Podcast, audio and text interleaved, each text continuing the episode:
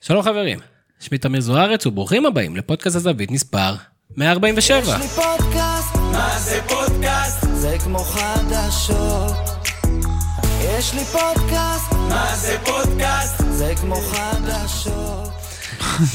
שוב אתם מצטרפים אלינו לפודקאסט הזווית, הפודקאסט של אתר הזווית, הזווית.co.il, הפודקאסט הביתי בתבל, וכמו שאתם יודעים, אין דבר שאנחנו אוהבים יותר מאשר אה, לדבר עם הספורטאים שלנו, ולשמוע מהם בגוף ראשון את הסיפור האישי שלהם, ואת הדרך שעברו, מה אפשר ללמוד מהם, ומה הם חושבים על הספורט שלנו. בשביל להמשיך ולהעמיק בכדורגל שלנו, אנחנו שמחים לארח היום את אלוף המדינה לשנת 2012-2013, עם מכבי תל אביב כמובן, ועם ניסיון בשורה של מועדוני ליגת על. שלום לעומר ורד. אהלן, ערב טוב. עומר, קודם כל כיף שבאת. לפני גם לי שנרוץ כיף להיות אחורה- פה. זה טוב מאוד, זה חשוב לנו. לפני שנרוץ אחורה, מה קורה היום עם עומר ורד? אמ, אז אה, הגעתי להחלטה אמ, שהסתובבה אצלי כבר הרבה, בוא נגיד בחצי שנה, שמונה, תשעה חודשים האחרונים, שזה תחושה של מיצוי ביחד אה, עם פציעות שעברתי במהלך הקריירה, פציעה אחת ספציפית שגם לאורך השנים השפיעה עליי. וביחד קיבלתי החלטה שכרגע מה שנכון בשבילי זה לסיים את הפרק של הכדורגל בתור שחקן. אז זה ראיון הפרישה שלך למעשה. אפשר להגיד שזה סוג של ראיון פרישה, כן. אני חושב שיש לנו סקופ. אה, אמנם ידענו אותו כבר לפני, אבל אה, יש לנו סקופ. אה, כי זהו, כי שמענו שחתמת רק בנובמבר האחרון בהפועל כפר שלם מליגת א', נכון. מליגה א', אז לא היית שלם עם כפר שלם. לגמרי לא שלם, אה, הייתי עם החתימה בכפר שלם, ופשוט אה, הגעתי לתחושת מיצוי שהייתי שם. לאו דווקא בגלל המועדון אה, עצמו, המועדון עצמו יחסית מאוד מסודר, בטח לליגה א', מבחינת מתקן, ו... אבל זה היה משהו אצלי שמשהו קבע בניצוץ. זה בהמשך למה שחוויתי בקיץ האחרון, מה שהיה בהפועל פתח תקווה, והקיץ הזה שנפלתי בין הכיסאות. שכבר הייתי רגל וחצי בחוץ, ואז אמרתי ניתן עוד צ'אנס, וליגה א' זה גם מסגרת שכאילו פחות תובענית, שיכלה לאפשר לי ללמוד במקביל עכשיו לתואר אה, במדעי המחשב שהתחלתי. אה, ניסיתי, נתתי לזה צ'אנס, לא הייתי שם, אני גם בן אדם שאוהב לתת 100% מעצמי, אם זה בכדורגל, אם זה בחיים, אם זה בדברים אחרים שאני עושה, וברגע שראיתי שאני לא 100% שם, אז... אה, ולהפך, גם כשאני רוצה לתת 100%, לפעמים המסגרת, בטח בליגה א', היא לא מקצוענית כמו בליגות הבכירות יותר. זה די הפריע לי. פשוט אה, החלטתי, קיבלתי החלטה ש... להמשיך הלאה. לא פשוט. זה היה מאוד לא פשוט, כי... אנשים אמר- לא רואים, אבל אתה כאילו נסער. אני לא יודע אם אני נסער, כי אני כן היום במקום מאוד טוב ושלם עם ההחלטה שלי. אה, אני יכול להגיד לך שאחרי שסיימתי בכפר שלם, אז גם הגיעו לי המון המון המון טלפונים של קבוצות מליגה א' בעיקר, גם היה איזשהו עניין מליגה לאומית. אני פשוט במקום היום שטוב לי, שהכדורגל הוא כרגע לא בעמדה של שחקן. מעניין, אז אנחנו עם נקודת, התחלנו מהסוף, ואז אנחנו כמובן אחור, נחזור אחורה בזמן. כרגיל איתי אה, מפיק הפודקאסט ופאנליסט דעתן מאוד, ברק קורן. אהלן אהלן. תגיד ברק, עם מה בתור מאזין, כי אני לא אתן לך לדבר יותר מדי, אבל בתור מאזין, עם מה אתה רוצה לצאת מהפרק? קודם כל, זה, אלו הפרקים שאני הכי הכי אוהב, לשמוע את הספורטאי בגוף ראשון מספר על העליות שלו, על המורדות שלו. אני חושב שכולנו יכולים ללמוד מזה המון המון.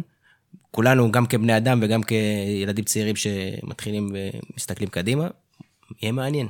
יהיה מאוד מעניין, יש לנו המון המון נושאים והמון שאלות גולשי בכל ה, כל הפלטפורמות, פתאום בטוויטר התעוררו ושאלו המון המון שאלות, ובאינסטגרם, אם נצליח לחלץ את השאלות האלה, נשאל גם אותם. אה, אנחנו נדבר קצת על, עם עומר על, על הדרך לפסגת הכדורגל שלנו, פסגה זה כמובן לשחק במועדון גדול, מועדון שבו גדלת, אה, קריירה, כמובן נקודות השיא ונקודות השפל, טיפה איך אנחנו יכולים לעשות את ההקבלה וללמד את הדור הצעיר, את השחקנים הצעירים לאיך אפשר להיות יותר טובים.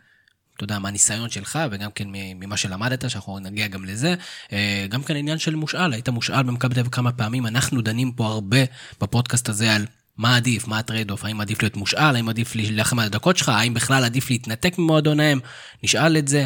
מאמן זר, אתה היית בשנה הזאת יחד עם כשג'ורדי קרויף הגיע והביא איתו, איתו את אוסקר גרסיה, וגם כן, איך זה, מה, מה זה היה להיות חלק ממכבי תל אביב המתחדשת, שבשמונה שנים האחרונות אה, בעצם את השינוי, אתה יודע, אנשים שגדלים בתקופה הזאת עוד חושבים שמכבי תל אביב תמיד הייתה כזאת, אבל לגמרי. היו תקופות באמת קשות למכבי תל אביב, מי כמוני יודע. אה, ירידות ליגה, היה לכם מכבי נתניה, שנה הזיה שהתפרקה, ומשכורות, ולא מקבלים כסף. לא יודע, ברק, אם אני לא הייתי מקבל כסף בעבודה שלי, נראה לי שהייתי מתפטר. אבל לא תמיד לשחקני כדורגל זה כזה פשוט, המון המון דברים. אז קודם כל בוא נחזור קצת אחורה, לרמת אביב, ועומר ורד גדל, ומה הוא חולם? אני חושב שמגיל מאוד צעיר היה לי ברור שכדורגל זה משהו שמאוד כיף לי לעשות קודם כל. אני יכול להגיד לך שבבית, אה, בהתחלה אולי לא הכי התלהבו. באתי מבית שצריך אה, ללמוד, ואחרי זה כאילו יש מסלול אה, ברור של אוניברסיטה, וללכת לעבוד, אם זה בתחום של הייטק, אם זה ללכת למשהו, כאילו, אתה יודע, משהו יותר מכובד. אה, אבל ברגע שההורים שלי גם ראו שכמה שאני אוהב את זה, ושאני טוב במה שאני עושה, ושאני רוצה ללכת עם זה עד הסוף, הם נרתמו לגמרי לדרך, ועד היום שאני מדבר גם עם אנשים אפילו, ההורים שלי, אין משחק שהם לא הגיעו אליו, אם זה בקריית שמונה, ואם זה בדרום, ואם זה צריך לעשות לילה בשביל לתת לי את ההכנה הכי טובה למשחק, הם איתי מגיל 6, כל משחק, שניהם ביחד, אין דבר כזה, רק אימא או רק אבא. איך זה באמת לוותר, אתה יודע, דיברת על מה ההורים שלך מוותרים, ויש לנו פרויקט מדהים באתר של איך זה לגדל ספורטאי, מתוך נקודת מבט של, של הורה, של נועם פרוסטיק, מאוד מומלץ. אבל איך זה מבחינת, אתה יודע, ילד שרוצה להיות גם ילד קצת, והמסגרת הכדורגל לא תמיד מאפשרת להיות אותו ילד, כי יש מסגרת מאוד מסודרת, והולכים לישון בגיל, אני מקווה, בגיל צעיר, עם תזונה כן. נכונה. מוותרים, אה, יש מחיר שמשלמים על זה, אם זה בבית ספר, לא לצאת בימי שישי, שזה כאילו... ההיילייט כאילו של כל השבוע, רק מחכים שיהיה יום שישי בשביל לצאת לבאולינג לזה, ואני ב-10 במיטה, אני צריך ב-7 בבוקר, המשחקים ב-8 וחצי, 7 בבוקר אני כבר הייתי במכבי ים, אה, מתכונן למשחק. אז יש מחירים. מצד שני, זה גם מתקשר לזה שהיום, המחירים האלה, שהיום אני כבר לא מוכן לשלם אותם, זה מחירים שהייתי מוכן לשלם אותם לאורך כל הקריירה, ופתאום הרגשתי שהמחיר הזה של יום שישי, להיות כל היום עסוק במשחק, זה מחיר שאני כבר לא רוצה לשלם אותו ביום שבת. וזה דברים שהרגשתי עכשיו, נגיד, שאני צריך לעצמי, אבל אז זה, זה בכלל לא הפריע לי שאני לא אהיה במסיבת כיתה, נגיד, ביום שישי. אני חיכיתי למשחק, נהניתי מזה, זה היה בשבילי הכל. אני לא זכרתי את השבוע שלי, כאילו שאין לי לפחות אימון או שניים בשבוע, פלוס משחק בשבת. אמ, אז ברור שההורים גם יירתמו לזה ברגע שהם רואים איך אני אוהב את זה, ובאמת אה, גם הם הקדישו הרבה מהזמן שלהם בשבילי. אבל מה שכן חשוב לי להגיד, שמצד אחד הם היו מאוד תומכים, אבל מצד שני, הם לא דחפו אותי לזה, הם נתנו לי לקבל את ההחלטה, ואני חושב שהיום זה דבר מאוד חשוב, כי יוצא לי לראות הרבה אנשים עם ההורים שיושבים ביציע ודוחפים את הילדים ותעשה ככה, ואחרי זה הם מסיימים את המשחק, משגעים לו את הראש, אתה היום צריך להפקיע ואתה היום צריך ככה, ולמה לא עשית את זה, וצריך להניח... אבא, אני שוער. לגמרי, צריך פשוט להניח לילדים, לתת להם את ההתפתחות, לתת להם בעצמם, הדברים האלה שמתמודדים איתם בגילאים מאוד צעירים, זה גם מכין אותך אחרי זה לחיים האמיתיים, זה דברים שילדים בכיתה א', ב', ג', במסגרת רגילה לא, לא עוברים מה שעוברים בכדורגל עד גיל 18. אתה, אתה יוצא מוכן לחיים, אתה יוצא מוכן לצבא, אתה יוצא מוכן להרבה דברים אחרי זה. המסגרת הזאת נותנת הרבה יותר גם, לא רק בשביל מי שלא יוצא שחקן, ובשביל מי שיוצא שחקן, זה פשוט אנשים שגם אה, נהנים מזה ומוכנים לשלם את המחיר, אבל באמת חשוב שההורים ייתנו לילד להתפתח בעצמו, ושאם הוא חווה משבר, צריך לעודד אותו ולתמוך, אבל לא להתערב. ההתערבות, אני חושב שזה דבר מאוד uh, שפוגע בילדים אחרי זה שהם uh, מתפתחים והופכים לשחקני בוגרים, ואז הם לא יודעים איך להתמודד, כי אין לך את אבא ואמא כבר שיעזרו לך, שילכו לדבר עם המאמן, זה דברים שאחרי זה לא קורים. זה כל מיני קיצורי דרך כאלה בדיוק. שאחרי זה לא יכינו אותך. דרך אגב, אפשר להיות שחקן ולהתפתח ללא סיוע של ההורים? אה, אני חושב שזה מאוד קשה, כי בכל זאת שאתה ילד אתה כן תלוי בתמיכה של ההורים. אה, ואם הורה מסוים לא רוצה שתהיה במסגרת כזאת, אז אה, הוא יכול לעשות את מה שצריך לעשות בשביל שלא תהיה בה. אבל התמיכה של ההורים כן חשובה, בגילאים, בגילאים הקטנים בטוח. מאוד מעניין. דרך אגב, בתחקיר שלנו עלה שאתה בכלל התחלת כחלוץ. כן. ובשלב מסוים יש לך הסבה למגן ימני. נכון. באיזה גיל ולמה, והאם נכפה עליך הסיפור הזה? אז אה, זה גם סוג של נכפה. אה, אני לא מצטער גם על המהלך הזה, כי אני חושב שהוא עשה לי טוב. אה, אני עד גיל 16 שיחקתי בכל התפקידים חוץ מ... שיחקתי מדי פעם אה, בלם, שהיה צריך אה, גיבוי, אבל הייתי מין סוג של all around player כזה בחלק הקדמי, אם זה קיצוני, אם זה חלוץ, מאחורי החלוץ, כנף ימין. בעיקר כנף שמאל שיחקתי, וכל שנה הייתי, גדלתי במכבי תל אביב, הייתי מלך שערים בכל עונה, מלך בישולים, הייתי שחקן מאוד בולט ב... קיבלתי... בשנתונים הצעירים. כן, מחלקות נוער, קיבלתי לפחות שלוש-ארבע פעמים שחקן מצטיין של העונה. אה, מאוד בלטתי, גם היה לי טלטלים, קראו לי ולדרמה, זה כאילו היה סימן ההיכר שלי. עד היום החבר'ה מהשכונה הגדולים יותר, אומרים לי ולדרמה, ולדרמה, זה קטע, זה כבר עבר הרבה זמן. הרבה זמן. כן, ובגיל 16 אה, הגיע אחד השחקנים מהפועל רמת גן, אה, לירון דיאמנט, והוא בא בשביל לשחק בעמדת החלוץ. וזה די היה על אה, המשבצת שלי. דרך אגב, אני ולירון חברים מאוד טובים היום. והמאמן במבי, רוני מאיר, היה מאמן אז בזמנו בנערים א', הוא אמר לי, עומר, אה, אני חושב שכדאי שתעשה הסבה לעמדת המגן הימני. שיחקתי אז איזה משחק אימון עם שנתון מעליי, הייתי מאוד טוב, הפתעתי את עצמי אפילו בעמדה הזאת. ואני אמרתי לו, כמו שחקן שתמיד היה בשביל הקבוצה. אמרתי, מה שטוב לקבוצה אני אעשה. והוא מאוד אהב גם את הגישה הזאת, וברגע שהתחלתי לשחק מגן, אז גם הכרתי יותר לעומק את התפקיד. בהתחלה זה היה בעיקר חלק התקפי, אחרי זה החלק ההגנתי גם אה, מאוד השתפר.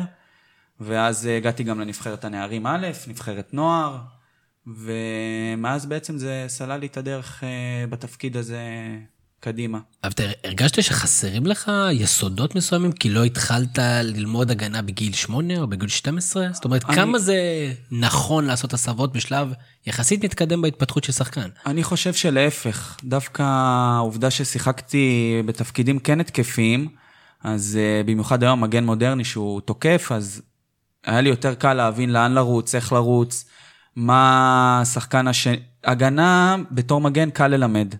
זה אומנם אה, יש זמן שאתה צריך אה, להקריב בשביל זה, שיש טעויות וזה, אבל כל עוד זה קורה בגילאי הנערים וזה, יש מספיק זמן לתקן. ואני חושב שכבר אחרי שנה, שנה וחצי, שנתיים, הייתי מגן שמבחינה התקפית, כמובן, הוא מאוד משמעותי, ומבחינה הגנתית הלכתי והשתפרתי. ברק, אין הרבה מגנים בארץ, ואתה יודע, בסופו של דבר, מה הדרך שלנו בכלל למדוד מגן? אתה יודע? לא, זה כל הוויכוח השנתי, הש, השנה הקבוע בין ג'רלד ג'ס, השחקן ההגנתי, למבוקה שתורם בהתקפה, זה באמת תלוי, קשה למדוד היום, אבל מן הסתם מגנים מודרניים צריכים לדעת לתרום גם בהתקפה, ואני חושב שהרבה עשו את המסלול... אבל מצד שני, קודם כל השם שלו זה מגן. נכון, אבל הרבה, להגן. הרבה עשו את המסלול שלו, אפילו בגללים יותר, אלון חרזי, אתה חושב רק על הג'ואן גיא, גם אני חשבתי. לא, הרבה, הרבה מגנים עשו את הדרך הזאת. אז איך אתם מודדים את עצמכם באמת, עומר? קודם כל, מבחינה הגנתית, אה, קל, אה, קל למדוד איך אה, שחקן הגנה מתפקד, אם זה מבחינת סגירות, אם זה מבחינת עמידה נכונה. מבחינה התקפית, אמנם במספרים אני חושב שלא הייתי פתאום עושה 15-10 בישולים בעונה. כן הגעתי למספרים 5, 6, 7, אבל אני חושב שהתרומה שלי על המגרש התקפית לא הייתה דווקא בפס לגול, או ברמה לגול, או בלהבקיע שער בעצמי. אני חושב שהרבה מצבים שאני יצרתי, אה, הם היו פס לפני הפס לגול, או זה דברים שהיום בסטטיסטיקה היום לא... היום מודדים אותם יותר. היום מודדים יותר, בזמנו לא מדדו מספיק, ואני חושב שאפילו בתקופה שלי במכבי או בהפועל חיפה, בתחיל... בתחילת הדרך, זה דברים שאם היו מודדים אותם, אני, אני חושב שהייתי בפער על, ה... על המגנים האחרים, כי אני הייתי טוב בליצור את תחילת המצב. ו... אני חושב שעשיתי את זה בצורה מאוד טובה. אם אנחנו עושים פסט פורוורד לקריירה, איזה ציון היית מחלק לעצמך לקריירה שלך? אמ, הייתי מחלק את זה לשניים. אמ, בוא נגיד עד גיל 23. ומגיל 23, אני חושב שעד גיל 23, גם ששיחקתי בנבחרת הצעירה, ולמשל אה, אלי דסה, אפילו ב... בתקופה ששיחקתי במכבי, היה המחליף שלי. גיא לוזון נתן לי את המושכות. אמ, זאת הייתה התקופה הכי טובה שלי בקריירה. שבה הרגשתי הכי טוב. ובעונת האליפות כבר התחילה איזושהי, אני לא רוצה להגיד ירידה, יכול להיות שגם ירידה, אבל בוא נגיד שמשם לא התרוממתי יותר. זאת אומרת, זה היה נקודת שיא. זה היה נקודת שיא. זאת אומרת, להיות פותח במכבי תל נכון. אביב, בקבוצה שרץ. נכון. ליגה אירופית, נבחרת צעירה, מגן ראשון. כן. איך מתמודדים עם זה? אתה יודע, אתה, אתה מגיע לשיא בגיל יחסית מוקדם, קבוצה שלך נכון. לקחה אליפות, אתה עם קבוצת הבוגרים שלך שעד אחורה, אחרי זה נדבר גם על הקשרים האלה וכמה זה קשה להתנתק, ואני בטוח שזה קשה מאוד נכון. להתנתק. המועדון אה, תומך בך, זה המנהל הספורטיבי, זה, יש איזה גוף נוסף שכאילו בא להרים אותך ולהגיד לך, אלה הדברים שאתה צריך לשפר כדי להיות אה, שחקן פותח. מישהו מדבר איתך בכלל? אמ, אני חושב שדווקא בעונה של אוסקר, שהוא הגיע עם ג'ורדי, הרבה שחקנים הם כן אה, החליטו באופן אישי לקדם, אם זה איתן טיבי שהם עבדו איתו הרבה שעות אה, גם אחרי אימונים, וגם עם, אה, למשל עם שרן, או עם מיכה למשל אפילו. אני לא יודע למה, אבל איתי, אני חושב שהיה לי פוטנציאל מאוד גבוה, שאם הם היו מכוונים אותי כמו שהם עבדו עם שחקנים אחרים, יכול להיות שהקריירה שלי הייתה נראית אחרת. והם לא עשו את זה איתי, ובזמנו אני זוכר שזה מאוד כאב לי, ולא הבנתי למה הם לא עובדים איתי, ולהפך, הם מביאים... אה, אה, ש... אני אקח עוד קצת אחורה, אחרי מחזור ראשון נגד מכבי חיפה, מחזור שני לא הייתי בסגל, מחזור אה, שלישי חזרתי לשחק, ומחזור רביעי עוד פעם לא בסגל, ואז היה את המחזור 50, אני לא טועה, נגד הפועל באר שבע בחוץ, והרגשתי שאני הולך לשחק את המשחק הזה, ובאותו אימון נפצעתי בברך. ואז שלושה חודשים אה, לא שיחקתי כמובן, לא התאמנתי, וגם לקח לי הרבה מאוד זמן לחזור, זו הפציעה הראשונה הרצינית שלי. אה, אם אני לוקח גם את הטרומונה, שפספסתי את רובו בגלל פציעה בבטן, שהיא גם מה שליווה אותי, הפציעה הזאת ליוותה אותי כל רוב הקריירה, אז אה, העונה הזאת נעצרה. ואני זוכר, אני כאילו ממש זוכר את ההרגשה הזאת של הכאב, כאילו, איך זה שעובדים שחקנים, כל כך, כל כך הרבה שחקנים בקבוצה, ואיתי דווקא אוסקר וג'ורדי, כאילו לא, מחליטים לא לקדם אותי. ועוד מביאים את סטיב גורי, שלא לא תגיד איזה שחקן שובר שוויון בליגה, זה שחקן שאתה יודע, בא לשחק, אה, לסגור משבצת, וזה... ועוד אני הייתי בתקופה הזאת מגן ראשון בנבחרת, ואני זוכר שגם היה דיבור על מעבר לקריית שמונה בינואר, ואני אמרתי, אני נשאר, אני לא... דרך אגב, האמנתי מאוד אחת ביכולות מהשאלות- שלי. אחת משאלות הגולשים הייתה, למה החלטת לטרפד? גלי ארנרייך שאל את השאלה הזאת, והוא שאל, "ל- למה החלטת בזמנו? לא לא מאמין שהוא זכר את זה. למה החלטת לא ללכת ל trade עם אלעד גבאי? אה, ברור שבדיעבד היום זו הייתה טעות, כי אני מאוד האמנתי ביכולות שלי. אני ראיתי גם איך אני נראה באימונים, וגם ראיתי איך מי שמתמודד איתי על התפקיד נראה באימונים. אני מבחינתי אמרתי, אני חזרתי עכשיו מפציעה, אני מתחיל לחזור לקצב, נראה טוב באימונים. אני אקבל את הצ'אנס, אין סיבה שלא. ובסוף זה לא קרה. ומאוד, אה, היה לי גם, אה, מאוד אהבתי את מכבי, זו קבוצה שגדלתי עליה, שהייתי אוהד שלה.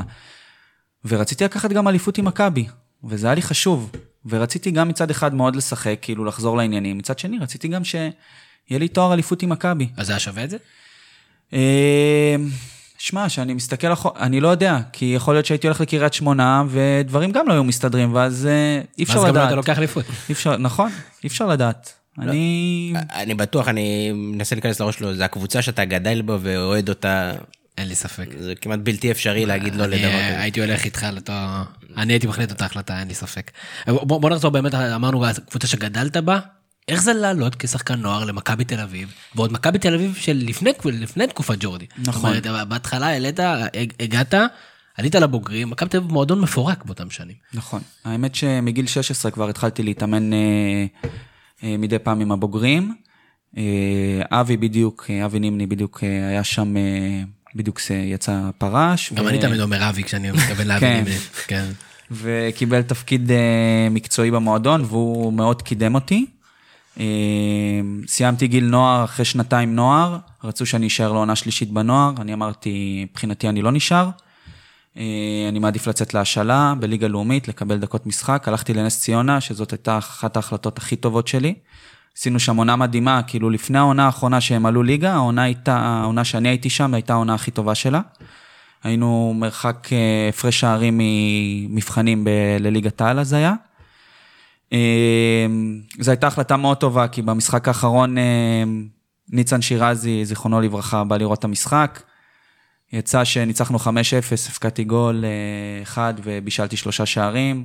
ניצן נדלק עליי, והתחלתי שוב את הטרום עונה עם מכבי תל אביב, אז זו הייתה בדיוק העונה שהגיעו אה, קלמי סבן וקולאוטי והביאו המון המון שמות, וניצן מאוד רצה שאני אבוא, והלכתי לעוד עונת השאלה בהפועל חיפה, שהייתה שנה מדהימה עם ניצן, באמת, נהניתי מכל רגע.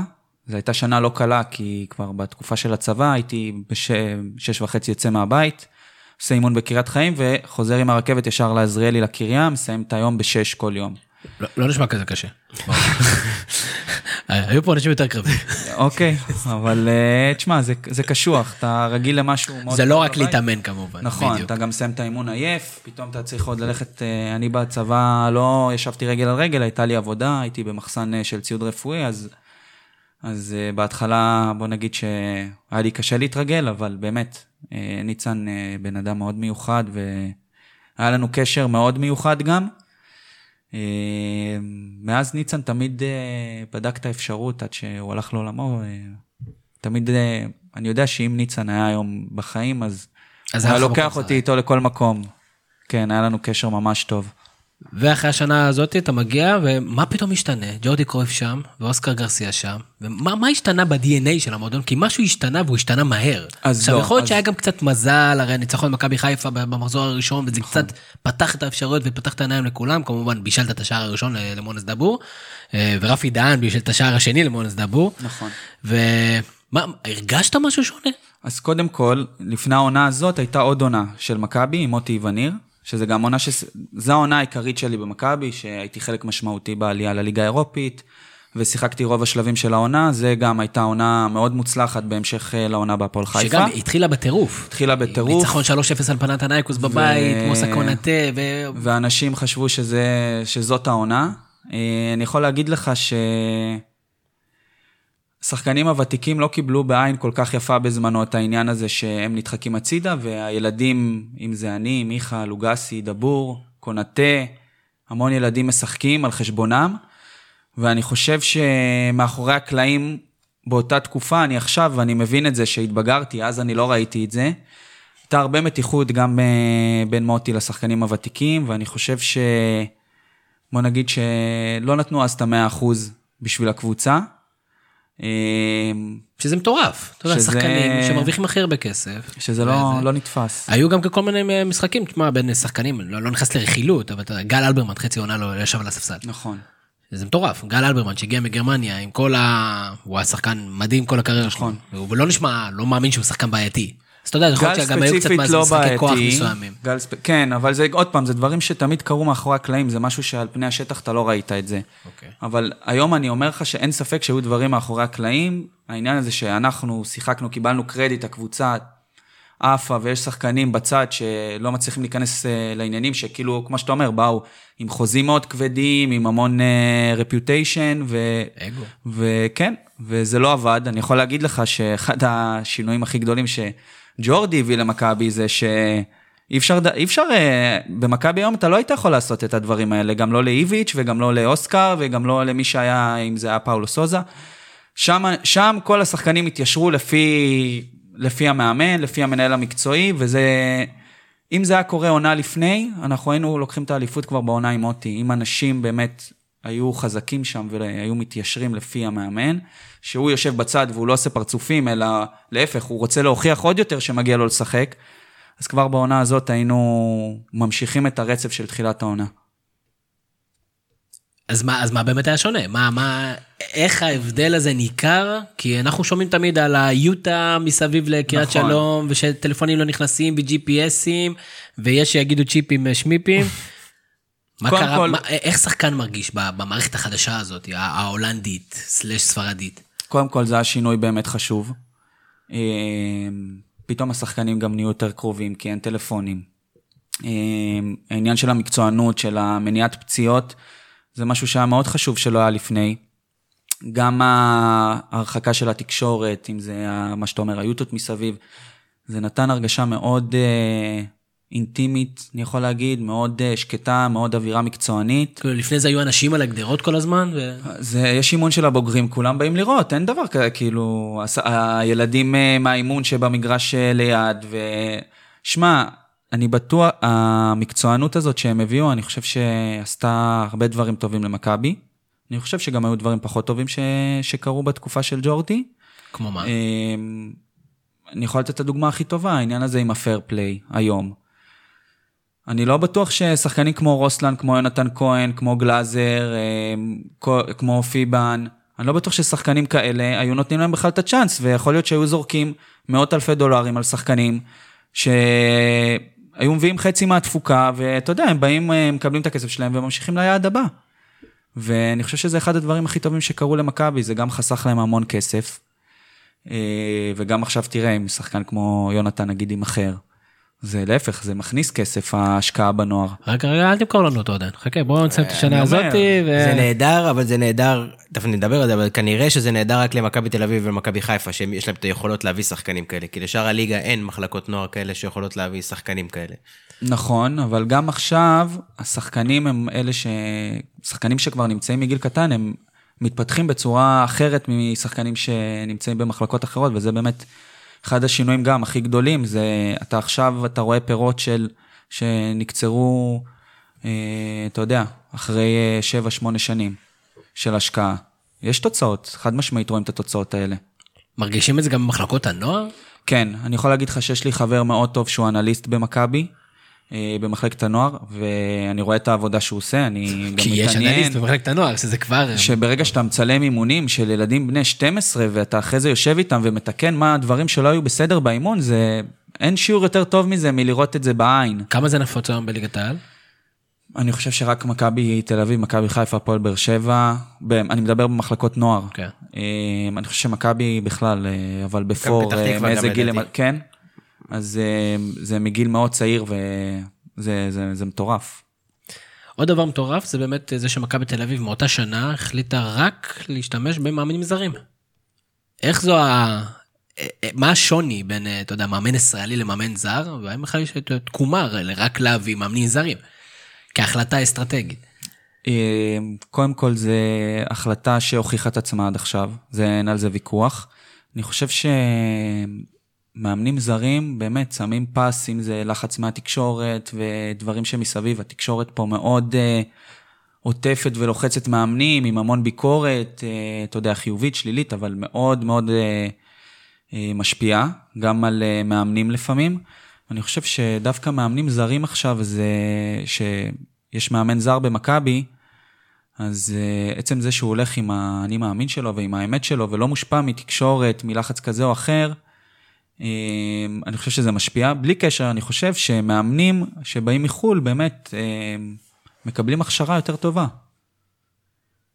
מאשר אה, מאמנים שקיבלו את ההכשרה הראשונית שלהם בארץ. ניכר על אוסקר גרסיה שהוא היה שחקן גדול? זאת אומרת, זה, איפה זה קיבל את הביטוי? קודם כל, כשהיינו עושים לפעמים אה, משחקים 4 על 2, אז אתה רואה את הטאט שלו בכדור, אתה מבין שהוא היה שחקן. אמ, זה גורם אוסקר... לכם כשחקנים לתת לו יותר ריספקט? או שזה לא קשור? חד משמעית. חד משמעית, זה, זה תמיד עושה, אתה יודע, שחק... מאמן שהיה שחקן עבר ועבר דברים בקריירה, מן הסתם אתה נותן יותר ריספקט. הוא הביא המון דברים אה, שלפני זה אני לא הכרתי, אה, ברמה של, אה, ברמה טקטית של איך לצאת מכדור חמש, וזה גם מתאים את עצמך ליריבות, אתה, הוא מראה לך לוח במגרש, איך להתחיל כדור חמש, ניימה בזמנו היה עם הכדור. אז אני, נגיד, בתור מגן צריך להתחיל את התנועה, מושך שחקן. עכשיו, אם השחקן לא נמשך איתי, אז לתת לי פס, ואז, אה, ואז מתחיל איזשהו עוד, ההמשך של התרגיל. אם השחקן נמשך איתי, אז אחד הקשרים מהאמצע נכנס למשבצת, למשבצת שלי, הוא מקבל את הכדור. אם עוד שחקן נכנס איתו, אז הקשר מאחורי החלוץ נכנס באמצע, מקבל את הכדור מעניימה. זה דברים, אתה יודע, ש, שלא היו בארץ. אני לא בטוח שהיום מאמנים עדיין עושים את זה ברמה כזאת אה, שהיא מותאמת גם ליריבה. זה מבחינתי אחד הדברים הכי... למרות שזה כביכול בסיסי לחלוטין. הכי בסיסי, וזה הכי פשוט, וזה הכי... שמע, זה פתר לנו המון בעיות. אתה רוצה במקום שכדור חמש, איזה חמישים חמישים, מאה אחוז הכדור שלנו, ואתה יודע גם שאתה הולך לצאת להתקפה מסודרת, שיש לך, לכל סיטואציה יש לך פתרון. הסיכוי שאתה תצא להתקפה מכדור חמש הוא יותר מ-70-80 אחוז. זה מטורף. וכמובן הוא הכניס את כל העניין של התרגילים במצבים נייחים, אבל לא שאתה מראה על הלוח, זה הולך, כאילו ממש, עובדים על זה במגרש, רבע שעה, 20 דקות, חצי שעה אחרי אימון, מתרגלים הכל, וגם אני חושב שאחד הדברים הכי טובים זה שהוא שמר את כולם מוכנים. אתה... לא היה תרגול הרכב בחיים במהלך השבוע. שזה... מאוד עצבן את התקשורת. נכון, לא ידעו. לא ידעו מי, מי הולך לשחק. אנחנו... עד היום לא יודעים. נכון, נכון. אבל אני אומר, יכול להיות שהיום, אני לא יודע איך זה עם איביץ', יכול להיות שהשחקנים יודעים, פשוט, אתה יודע, התקשורת לא יודעת, יכול להיות שהשחקנים יודעים מי הולך לשחק ויש תרגול של ההרכב. בתקופה של אוסקר, גם אם איזה עיתונאי היה רוצה לשאול שחקן, נגיד, מה, מי, מי הולך לשחק מחר, אף אחד לא יודע. אתה, יש ערבוב של שחקנים, אחרי זה יש עוד ערבוב, אחרי זה יש עוד ערבוב, כאילו, ו... גם דרך להתמודד עם אה, הדלפות, אתה פשוט לא יודע. כן. שאלה אם זה תורם לך ל... ליכולת המקצועית או לא. אני חושב שספציפית בעונה של אוסקר זה שמר את כולם ממוקדים באימונים וחדים, וכל אחד חשב שיש לו סיכוי שווה לשחק, וזה הוכיח זה. תלוי איזה חומר אנושי יש לך, כי אם יש לך... זה גם חומר- נכון. אם יש לך חומר אנושי שבא לפוצץ כמו קבוצות אחרות, בעיה. זה יכול לגרום לתסיסה ול... כן, תמיד. אתם אומרים, אה, שוער, חייב לדעת מתי הוא משחק, בלם, חלוץ. כן. זה- זה- ספציפית אה, בעונה הזאת זה הוכיח את עצמו. זה הוכיח את עצמו. דרך אני- אגב, הדלפות, אם יש דבר שאני סולד ממנו, ואתה יודע, גם גרמו לנו במועדון, במכבי תל אביב קצת גם, אתה יודע, להיות שזה יהיו האויבים. תמיד ג'ורדי היה עולה ומדבר ואומר, חבר'ה, אתם, המטרה שלכם זה להשיג ממני כמה שיותר מידע, והמטרה שלי שאתם לא תשיגו, הוא ממש כאילו צייר את שני תחום, את שני המתרסים, שאני לא בטוח שזה נכון, כאילו גם תקש- התקשורת, התפקיד שלה גם להנגיש לקהל גם דברים. נכון. אבל היו מדברים איתכם על זה, חבר'ה, הדלפות, כאילו זה היה משהו שכל הזמן יושב בראש, כי שוב, זה הספורט, הביצה שלנו, ותמיד יש איזה עיתונאי שנמצא נכון. קרוב לעוד לשחקנים, ו... שמע, זה לא משהו שכל הזמן דיברו עליו, אבל זה היה משהו שבתחילת העונה מאוד היה ברור שהדלפות, אה, תהיה אפס סובלנות אה, להדלפות. אה, אני יכול להגיד לך שבמהלך הקריירה שלי ניסו לדבר איתי יותר מעיתונאי אחד או שניים, אני סלדתי מזה תמיד, תמיד היה לי איזה משפט קבוע כזה שגם אה, מחמיא לצד השני, אני מאוד מעריך אותך. לכל דבר כ- יש מחיר, סתם. מה שהוא אמר- מה שהוא אמר לנו גם. בדיוק. מאוד מעריך אתכם, אבל... אז זהו, הייתי אומר, אני מאוד מעריך, אבל זה לא דרך שלי לבוא ולהגיד דברים שלא רוצים שידעו בחוץ. הרגשת שזה שזה- מכבד אותך, אני מבקש שתכבד אותי אתה גם. חושב שזה... עזוב אותך, אתה חושב שזה... יש שחקנים שזה פוגע בהם? שלמה, עזוב במכבי תל אביב, כי כנראה שהם הצליחו להגן על עצמם, אבל שחקנים שיודעים שאם הם לא ייתנו את הסקופים שהם צריכים לתת, או אם הם לא ייתנו את המידע שהם צריכים לתת, זה יפגע בהם בסיקור שלילי, זה קורה? אני בטוח ש... שעדיין זה קורה וקיים, כי uh, אתה יודע, בכל זאת, בסוף הכתבים מתבססים בעיקר על מה ששחקנים אומרים, מתוך חדר ההלבשה. אה, אבל אני חושב שזה היום לעיתונאים הרבה יותר קשה. טוב מאוד, שיתאמצו. אה, יש לי שאלה לגבי העונה הראשונה עם ג'ורדי, דיברנו על זה. אה, השיח סביב זה וסביב העונה הזאת הייתה כושר גופני. דיברו על זה שהגיע איזה מערך של כושר גופני, וגם נראה שהייתם פשוט פיזית יותר חזקים ויותר טובים משאר הליגה בדבר. הרגשתם את זה? אתה הרגשת פתאום יותר חזק, או דברים שלא עשית בעבר שאתה פתאום עושה?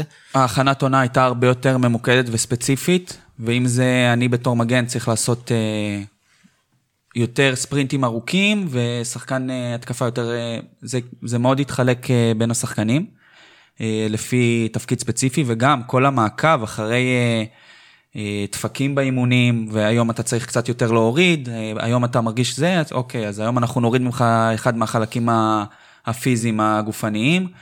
אה, ברגע שיש גם כאילו ממש אה, ביקורת על אה, איך אתה מרגיש וכמה רצת אתמול, אז היום באימון אנחנו מורידים. בסוף זה שחקנים באו פרשים למשחקים. הרגשתם את זה שאתם כן, יותר חזקים מהערב? חד משמעית. ואתה חושב, אתה היית בקבוצות אחרות, אתה חושב שקבוצות צמצמו את הפער בנושא הזה? אמ, לא מספיק, לא מספיק. האנליזה, העבודה שמכבי עושים אחרי האימונים, זה, זה, זה, עניין, זה שעות. אני יודע שבהפועל תל אביב יש את אה, עופר דורון למשל, שאני עבדתי איתו באופן אישי. הוא עושה את הדברים האלה, אם זה גם לחלק שאלון בבוקר לשחקנים, איך הם מרגישים. אמ, הוא עושה את זה נגיד. אז דווקא כשהיה ביקורת על הכושר הגופני של הפועל, אז אני בטוח ששם עושים את הדברים בצורה הנכונה. אמ, לא, זה שיש לו את הידע לא אומר שנותנים לו, אתה יודע, אני- יש כל מיני שיקולים שם- במועדונים. שם יש לו את ה... שם נותנים לו את ה... יכול, אתה יודע מה, זה באמת תלוי גם במאמן. אם המאמן נותן את המושכות למאמן כושר, אומר לו, היום זה, למרות שאני רוצה שהוא יעשה אימון חזק, אז הוא אומר לו, לא, הוא אתמול אה, הגיע לדפקים מאוד גבוהים, הוא צריך לנוח. או שהוא רץ אה, מרחקים כאלה בספרינט, הוא צריך לנוח היום. אז אה, זה דברים שבמכבי היו כבר ב-2013, שחואן ויוסי זיגדון היו יושבים אחרי אימונים, מנתחים כל שחקן, איפה הוא צריך לעשות יותר, איפה הוא צריך לעשות פחות, וכמובן גם במהלך משחק. נשמע בדיוני בכדורגל שלנו. לא, גם אז זה היה נשמע בדיוני, וגם עכשיו, עכשיו, רק השנה מתחילים להרגיש במכבי חיפה וקבוצות, לא יודע, מכבי חיפה לצורך העניין, שהם מתחילים לצמצם את הפער או להתקרב למה שמכבי תל אביב יצרה. נכון, גם דיברו על זה, אתה יודע, אגב, הם גם פיזית יותר חזקים, אתה רואה את זה, דיברנו על זה גם שבוע שעבר, הם פשוט נראים פיזית כן, אתה יכול לא לאמן אותם או פשוט להביא את המדור, אז אתה תראה פשוט יותר פיזי. היה גם... אה, יונתן כהן, אלמוג, זה אנשים לא קטנים. שזה לגמרי. דרך אגב, מתחבר, אתה יודע, אמרת מקודם, אני לא, לא ידעתי למה אותי לא מקדמים, מאוד יכול להיות, אתה יודע, עניין של גודל, זה מאוד חשוב לאירופאים, סייז. עכשיו, אני, אני מסתכל יודע... עליך, אתה, אתה לא בחור קטן, אבל אתה גם לא, סטיב גורי למשל, הוא היה בחור גדול, זיכרונו לברכה. אה, כן, אה, אני חושב שהם, אם הם לא היו בכל זאת רואים את הפוטנציאל שלי, הם, הם כן דיברו איתי בתחילת העונה, הם כן, אה, כן הרגשתי שמתלהבים ממני. אני חושב שהם הרגישו איזושהי אכזבה מהצד שלי מבחינת uh, יכולת הגנתית ספציפית במשחק או שניים. ו... אבל אני חושב שבמקום לקחת את זה למקום של יאללה, בוא נעבוד איתו, נשפר אותו בדברים האלה, כן. אז הם אמרו, טוב, נביא שחקן אה, זר מבחוץ, אה, שיבוא, כאילו יכסה את החור הזה בעונה הזאת. רק היה פייר פליי. לגמרי. אה, תכלס, תשמע, ההזדמנויות האלה, יש המון המון מזל. אה, אודי ריבן שואל, אה, הוא דיבר על זה שהיית חלק מקבוצה, אתה דיברת עליה מקודם, מאוד גדולה של צעירים, שעליתם ביחד לבוגרים, והיה לכם הרבה לחץ וציפיות, שבואו עכשיו ותושיעו את מכבי תל אביב. איך גורמים, איזה שיטות יש לכם במועדון כדי להתמודד עם הלחץ הזה? כאילו... כי באמת אה, עלו, ואני זוכר את השנה עם מוטי וניר, הנה המושיעים הגיעו, הנה דור מיכה, מה זה, זה פרוספקט משוגע, מושיקו לוגסי הולך להיות אחד השחקנים הגדולים, גאל מרגוליס, שלא התמודד למשל עם הלחץ, נכון. או סיבות אחרות, או עניינים אחרים. באמת עליתם קבוצה מאוד מאוד מוכשרת, דאבור, רועי קהת, באמת, נכון. באמת סגל מדהים, לקחתם אני חושב גם דאבל בנוער. אני בעונה הזאת הייתי בנס ציונה, אבל כן, הם לקחו את הדאבל בנוער. ומרגישים את הלחץ הזה? של אתה עכשיו במכבי תל אביב, בתפקיד שלך עכשיו, ללכת להביא את הדברים האלה? אמ, בהתחלה הייתה איזושהי, בעונה עם מוטי, הייתה אווירה מאוד, אמ, לא היה לחץ, היה אווירה של היי כזאת, של יאללה, שהתחיל כבר המשחק והתפוצצנו ורצנו ולא הפסקנו. ואז אני חושב שהגיע פתאום איזה, איזה מהמורה, פתאום איזה הפסד, פתאום אה, לא ניצחנו משחק שעל הנייר היינו צריכים לנצח. ושם אני חושב שפתאום נהיה לחץ, פתאום, אה, אתה יודע, לא מוחאים לך כפיים אחרי המשחק, כי בעונה הזאת התחלנו מההתחלה בבום. היה לנו רק הצלחות, הצלחות, הצלחות, פתאום היה איזה נפילה ולא... אנחנו לא ידענו איך להתמודד עם זה. אה, הצוות המקצועי ניסה לעטוף, אבל אני חושב שכן היה מקום למשהו יותר מקצועי, שיבוא וידריך את השחקנים הצעירים אה, לצאת מזה. זה המחיר עם שחקנים צעירים, יש עליות ויש ירידות, זה נכון. בדיוק המחיר שצריך לשלם עם שחקנים צעירים. בגלל זה צריך לדעת, להיות מאוד חכם איך שאתה משלם. ולשלב אותם במשורה, כן. ולא שמונה שחקנים ביחד, כי באמת אתה צריך בסופו של דבר שכן יהיה, את הניסיון הזה, נכון. אני מניח, ש... שזה, וגם באמת באותה תקופה, עד, עד אותה שנה, מספר מאוד מועט של שחקני נוער שרדו במועדון. לא יודע, אני on top of my head. באו עם משקולת על נכון. הכתפיים, לא רק של לא מספיק לעלות לבוגרים, זה משקולת של אי הצלחה של שנים. זה... של מועדון שלם. ראינו את זה גם במכבי חיפה, אותו דבר, עם צעירים של מכבי חיפה. נכון, אה, עמרי לפק אה, גם שאל, שאל קצת את התקופה של ג'ורדי, אז דיברנו על זה, ובכל זאת ניסה לזקק מה היה סוד ההצלחה של מכבי באותה עונה. אם אתה צריך לשים אצבע על דבר אחד שעשיתי כמו שצריך, שג'ורדי עשה כמו שצריך, זה, זה באמת, זה התקשורת, זה הכושר, זה, ה, זה המאמן זר. אני חושב שזה, בסוף זה הכל ביחד, אבל אם אני צריך להצביע על משהו אחד, זה באמת היסודיות בדברים הקטנים. אנחנו עלינו למשחק, שאנחנו ראינו את היריבה, מכירים את היריבה, מכירים את השחקנים, היה לנו, אתה יודע, דפים על כל שחקן בחדר הלבשה. בד... לאן ההטיות שלו בדרך כלל הולכות, ימינה או שמאלה, ב... ברזולוציות האלה. אז uh, שחקנים הגענו מאוד מוכנים למשחק. ידענו מה אנחנו צריכים לעשות בכדור חמש, ידענו מה אנחנו צריכים לעשות במצב נייח, ידענו איך, ה... איך אנחנו יוצאים להתקפה. זאת אומרת, הגישה לא הייתה כמו של אנחנו קבוצה טובה, אנחנו נשחק את המשחק שלנו, זה משמעית ניצחון, לא. אלא להפך. היה כבוד הזאת... לכל קבוצה, והייתה הכנה רצינית לכל קבוצה. לא היה משחק שבאנו, יאללה, זה קבוצה מקום אחרון, לא צריך להתכונן. מדהים. אה, יש לנו עוד המון שאלות על מכבי תל אביב, אנחנו נגיע אליהם לקראת הסוף, אנחנו רוצים להתקדם הלאה, כי אחרי זה היה קצת הפועל חיפה, ופתאום היו כל מיני סיטואציות מאוד משונות כאלה, כמו מכבי נתניה. פתחנו קצת את הדלת למה היה שם במכבי נתניה, שפתאום נגמר הכסף. כן, האמת שהעונה בנתניה הייתה אה, הזויה, במילה אחת. אה, העונה הזאת התחילה די טוב. אה, בגביע הטוטו ניצחנו את הפועל באר שבע, אה, אני חושב שגם את ביתר ניצחנו. ואז התחילה הליגה, לא ניצחנו שלושה מחזורים ראשונים, אני כבר לא זוכר. ופתאום הגיע איזה רצף כזה של תוצאות לא טובות, ואז גם פתאום התגלו בעיות כלכליות שאנחנו לא ידענו עליהן שהולכות להיות. ואז נכנסנו לסוג של מערבולת שמבחינה מקצועית אנחנו לא יכולים לנצח, ומבחינה כלכלית אנחנו לא יודעים מה, מה יהיה מחר. מצד אחד לא רוצים אה, לשחרר שחקנים, כי אה, אי אפשר להביא גם שחקנים אחרים במקום. מצד שני אין לך כסף.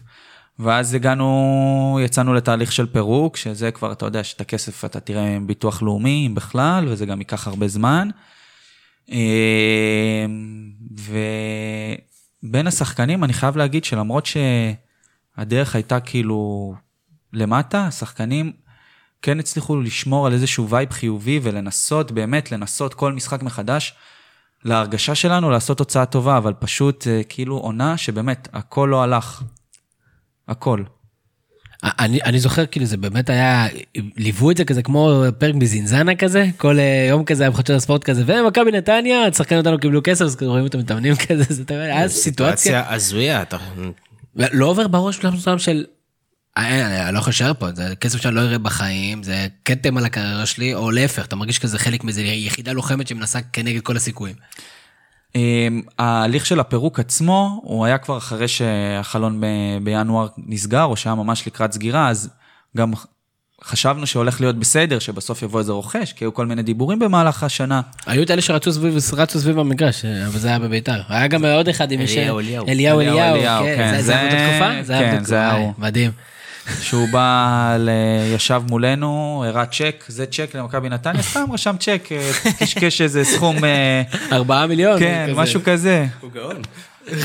וכולם... אני חושב שאחרי זה הוא נכנס לכלא או משהו כזה. כן, כן, כולם יצאו מהפגישה, וואו, וואו, הולך אה, להיות טוב. יש לו צ'קים. כן. יש לו פנקס צ'קים.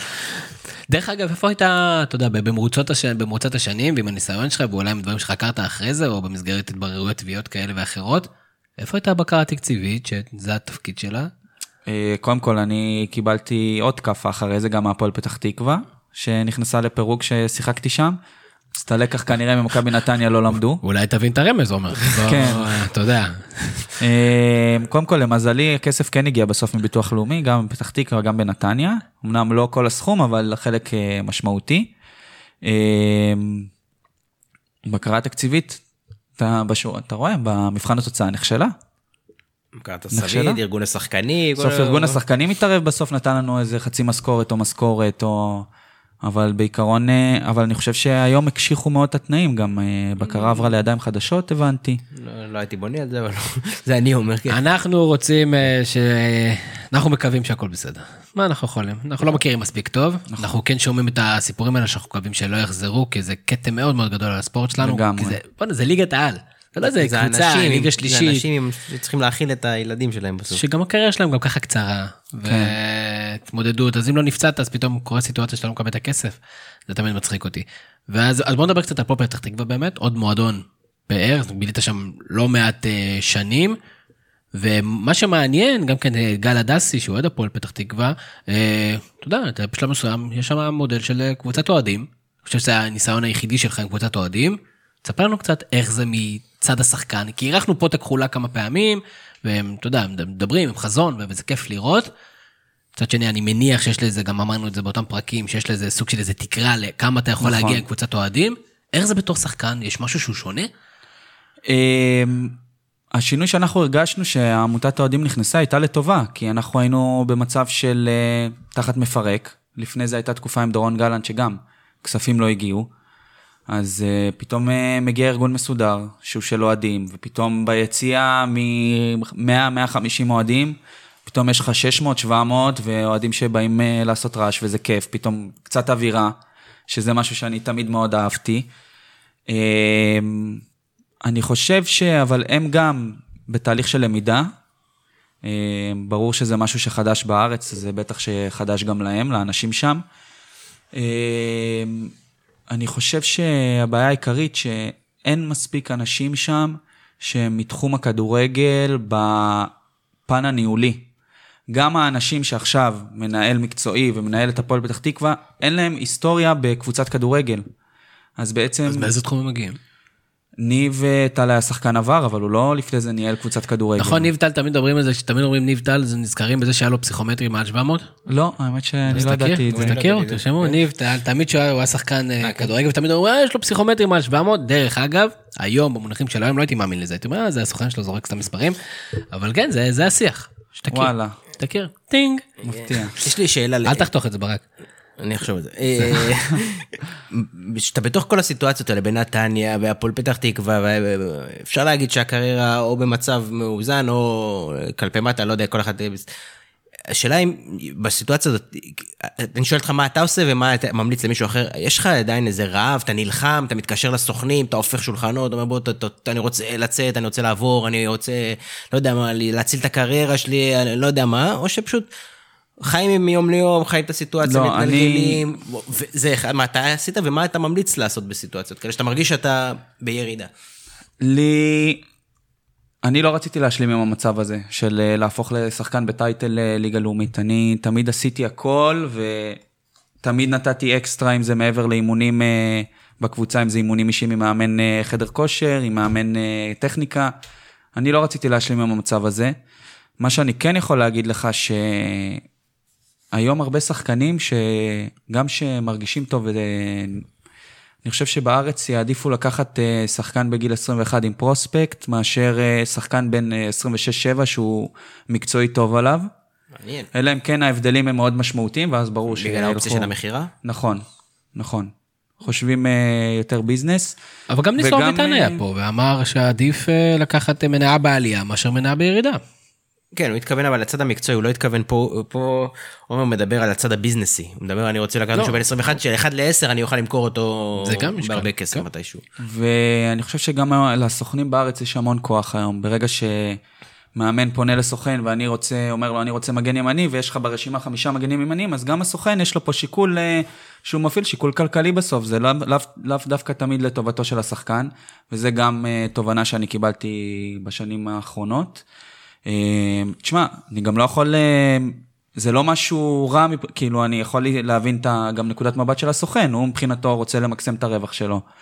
אמ, אבל אני לא ראיתי את זה בזמן, ואני, ואני יודע שבחלק מהמקרים כן הייתי יכול להיות מועמד לחזור אה, למרכז הבמה, והעדיפו לקדם גם מבחינת הסוכנים, שחקנים אתה אחרים. חושב שהשחקן צריך להיות יותר אה, מעורב, או פחות, או לתת, או לקחת מישהו שהוא מאמין בו ולתת לו לנהל? אתה חושב שהשחקן יש לו בכלל יכולת להיות בצד הביזנסי של הקריירה שלו? ש... אני חושב שבארץ אה, שחקן מאוד קשה לו להשפיע על סוכן, לשים אותו בקבוצה מסוימת. הקשרים של הסוכנים עם הקבוצות והמאמנים הוא הרבה יותר גבוה מהקשר של השח... כאילו מהיכולת של השחקן להשפיע באופן אישי. מדברים על זה, על, הרבה על. אני לא יודע אם זה נכון או לא, אגב, זו שאלה מעניינת, על, על היצע השחקנים בארץ. כלומר, טוענים שהוא לא גבוה, אני לא יודע, בצ- בצד ההגנתי, שהוא הוא לא, שאין הרבה היצע, בטח לא ב, למספר הקבוצות הקיימות. אתה הרגשת את זה? כאילו, אתה אומר, אני יכלתי לשחק בקבוצות האלה, אני שייך לשם, או שאתה ראית, אוקיי, מי ששם, מי שלא משחק שם הוא, הוא טוב, ומה לעשות, זה החיים. ברגע שאני בגיל 21 כבר הוכחתי את זה שאני יכול לשחק ברמות הגבוהות, אם זה גם בנבחרת הצעירה נגד אנגליה, שאחרי זה קיבלתי מבול של טלפונים, כאילו מאוד התלהבו מהמשחק שלי שם, וגם אם זה בליגה האירופית, אה, פתאום כל הפייסבוק שלי, כל מיני סוכנים אה, אז בקיץ אה, רצו למצוא לי קבוצה בחו"ל. אני חושב ש... אני חושב ששחקנים כן יש להם, בהחלט יש, היצע של שחקנים ישראלים בארץ טובים ומוכשרים, וצריך להאמין בהם ולדעת שזה מלווה בטעויות לפעמים, אבל אה, למשל אני חושב שההחלטה של הזרים בכלל, שיש שישה זרים בכל סגל של קבוצה, זו החלטה שערורייתית מבחינתי. אה, זה לא שיש פה, זר, יש פה זרים שמעלים את הרמה של הליגה, אבל אני חושב שכל זר רביעי, חמישי, שישי בליגה הוא לא תורם יותר ממה ששחקן אה, ישראלי צעיר אחר יכול היה לתרום. אה, וזה כואב. זה כואב לי לראות את זה, אני, כי אני יודע שיש מח... הרבה שחקנים ישראלים שעכשיו מסיימים גיל נוער, ויש מחסום, אה, יש אצלם מחסום שהם לא יכולים כרגע לעבור אותו, והם צריכים לעבור דרך מאוד ארוכה בשביל להגיע להזדמנות הזאת. זה בדיוק נקודה טובה לדבר על הנושא, אחד הרגישים פה, דיברנו עם כולם פה, כל מי שמתאר, מאורי אוזן לכולם, על נושא המעבר הזה מנוער לבוגרים, או השנים הראשונות שלך בבוגרים. יש חילוקי דעות, אה, אנחנו תמיד אה, שמנו את מקרה יונתן כהן על השולחן. מה השחקן... עוד לפני שהוא פרץ. אוקיי, מה בעצם, הטענה שלי, ששחקן צריך לשחק כמה שיותר, לצאת, אני אומר, צא החוצה, גם עכשיו אני אומר אפילו בתור אוהד מכבי חיפה לשועה, לעווד, לא משנה, צאו לשחק, no matter what, זה מבחינתי, לדעתי, הכי חשוב לשחקן, ויש טענות שאומרים, וזה הוכח, שלפעמים עדיף, אגב, גם אתה עשית את זה, כן להילחם על המקום שלך, להתגור בקבוצה, קבוצה עילית כמו מכבי תל אביב, לחכות להזדמנות, ואם אתה מקבל אותה ופורץ, אז ניצחת. איפה אתה בסקאלה הזאת בין לצאת ל... לדוגמה עודד גביש שישב פה וזה היה אחד מה באמת אחד הדיונים נכון. המשמעותיים זה שהוא אמר עדיף עשרה משחקים במכבי תל אביב עם אימונים של מכבי תל אביב מאשר 30 משחקים בקבוצה אחרת. אמ, אז אני יכול להגיד שזה צריך לשלב בין שני הדברים אני חושב שבשנה שנתיים ראשונות אחרי הנוער מאוד חשוב לצאת לשחק ולהרגיש מה זה אה, בוגרים לעומת נוער אם זה ליגה לאומית ליגה א' לא הייתי ממליץ אני חושב שזה, יש מגרשים בליגה, זה, זה לא, זה לא מדד, זה, זה לא... כדורגל אחר. כן, זה לא כדור, זה כדורגל אחר נגיד ככה. אמ, אני חושב שבשנתיים ראשונות, כמו הדרך שאני עשיתי, לשחק, לשחק, לשחק, אתה לומד הרבה יותר גם תוך כדי משחק ואתה מתחשל. ובוא נגיד שבגיל 19-20 לשבת על ספסל בקבוצה כמו מכבי תל אביב, עם כל זה שהאימונים הרבה יותר uh, טובים ואתה מתאמן עם שחקנים הרבה יותר טובים, בסוף אתה צריך את הכושר משחק ואתה צריך, uh, אתה צריך לחוש את המשחק. Uh, גם יונתן כהן, אני חושב שאת ההתקדמות הגדולה שלו הוא עשה בביתר רמלה וזה היה מבורך.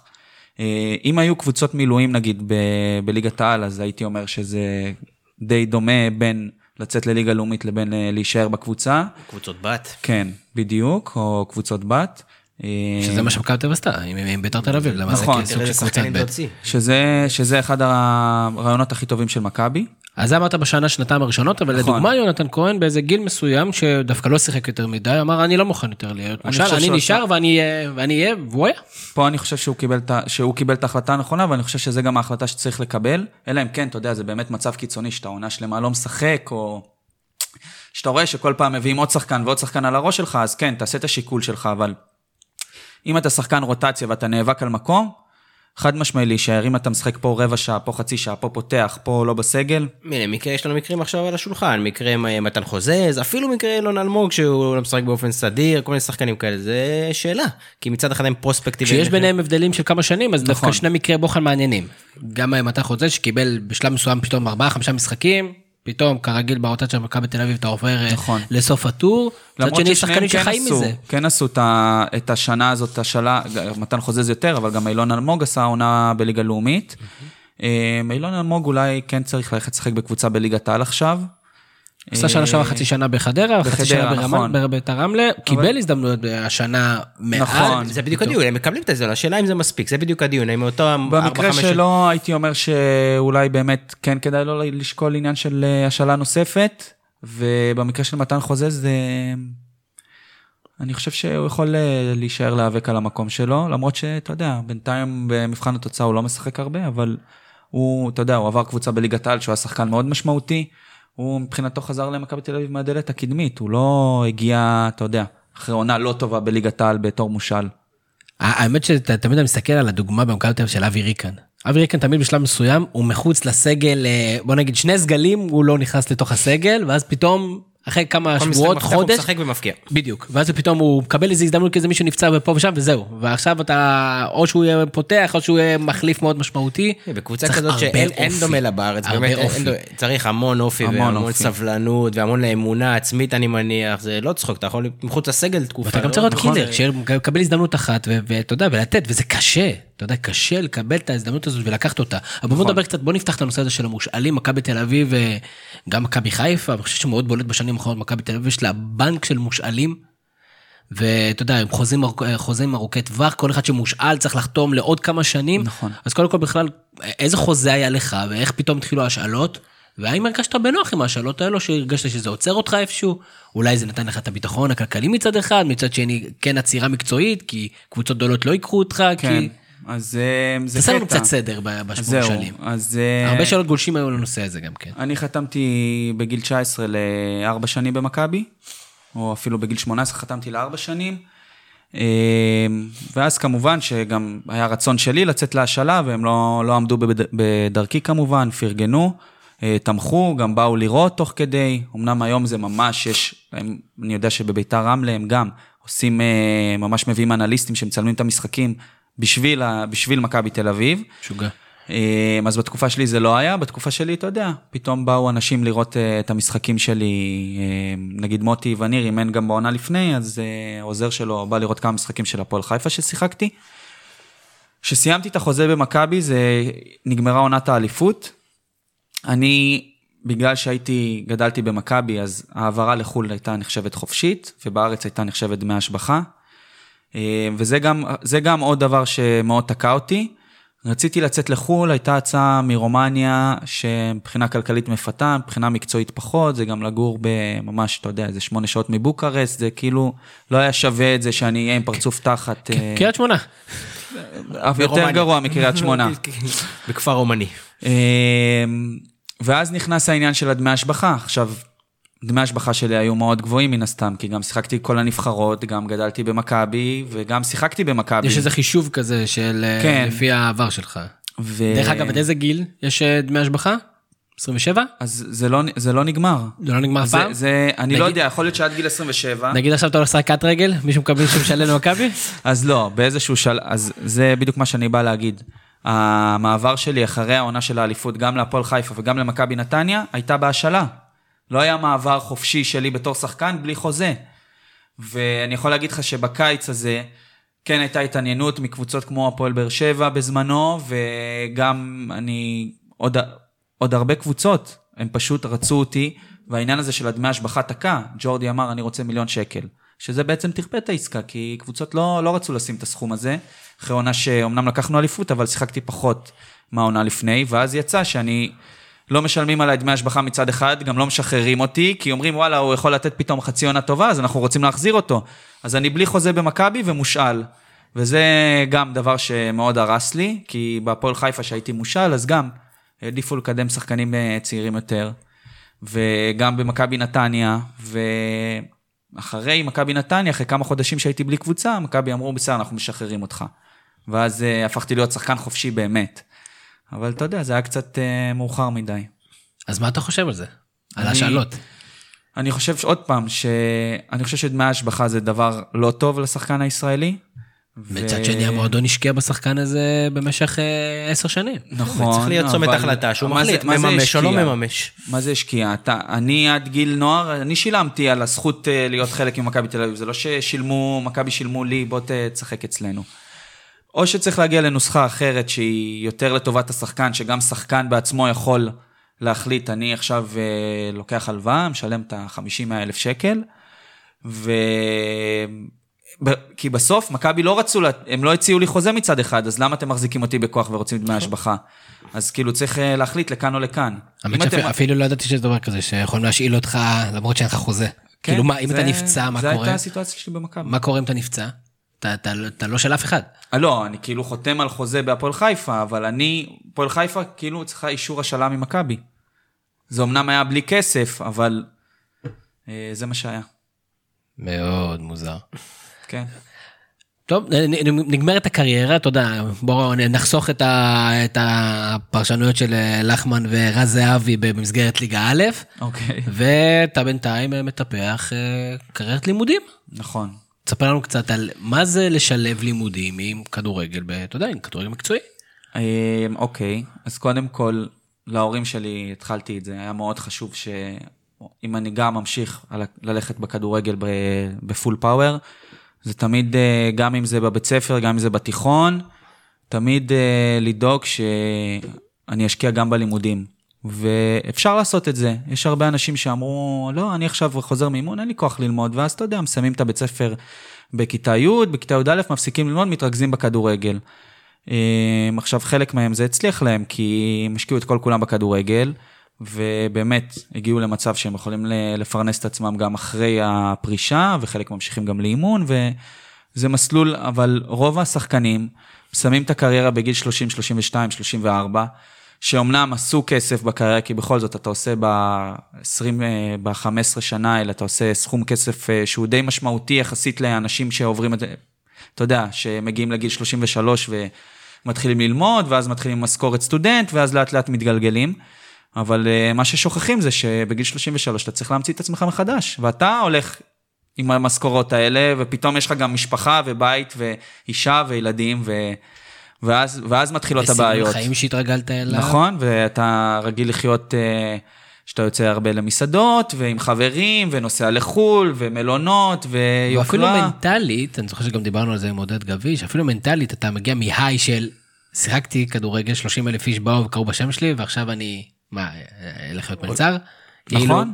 יש פה אפילו איזה סט של מקצועות שהם לא יכולים ללכת אליהם. נכון. אני זוכר שבזמנו ראיינתי אה, את רועי דיין, שעובד במשרד שלי, וכאילו ניסיתי, ואני מאוד הערכתי אותו על זה שהוא כאילו החליט ללכת באמת מ- מ- להתחיל מאפס. מחדש. ממש, תתחיל מאפס, ממש. ואני ממש הערכתי אותו לדבר הזה. לא פשוט, אה, בטח תדמיתית, אה, זה מאוד אה, פוגע באגו שלך. אני יכול להגיד לך שלי זה לא מפריע היום, אני פשוט חושב שאני צריך להתחיל בדברים אחרים, כאילו, אני לא חס וחלילה מזלזל במלצרות או משהו, אבל אני חושב שהיום יש לי יכולות שאני כבר יכול להתחיל גם משהו אחר, ולעשות אותו בצורה טובה. אה, אז אני דיברנו על זה ממשיך, שלכדורגלנים יש יכולות, אה, סט של יכולות וכלים שהם צברו, שאין אותם לאנשים אחרים בשוק, גם אם הם לא למדו משהו, דבר ספציפי. לגמרי, אם זה התמודדות תחת לחץ, וגם אה, עבודת צוות, משמעת ומשמעת עצמית, זה דברים שקשה מאוד. התמודדות עם כישלון, התמודדות עם נכון. הצלחה. לגמרי. ובשלב מסוים אתה מכניס לעשות תואר שני נכון. בניהול ספורט. מה, מי? על מה מדובר? תספר לנו. אז אחרי תואר שעשיתי במנהל עסקים... כאילו זה לא לשחק manager פשוט. לא, אוקיי. חד משמעית לא. הייתי פנאט של manager, אז זה- שונה, היית שם את עצמך תמיד בהרכב? תמיד. אוקיי. וגם... אה, לגיטימי.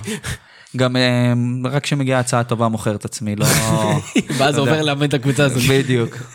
אה, אז לגבי הלימודים, אז גם, אז בתיכון כמובן תמיד שמרתי על ציונים גבוהים, מגמה צרפתית, כימיה, הלכתי במהלך אה, הכדורגל, עשיתי תואר ראשון במנהל עסקים, ואז חשבתי על כיוון שנקרא sports management, שזה בעצם תפקידים כמו שג'ורדי נגיד עשה, זה יכול להיות יותר מנהל בפן המקצועי, יכול להיות מנהל שהוא יותר אה, בפ- בפן הכלכלי.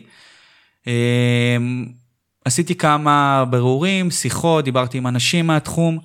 אה, זה תואר של שנה, תואר שני ב sports management, שזה בשיתוף עם ריאל מדריד והאקדמיה שלה. של איפה זה?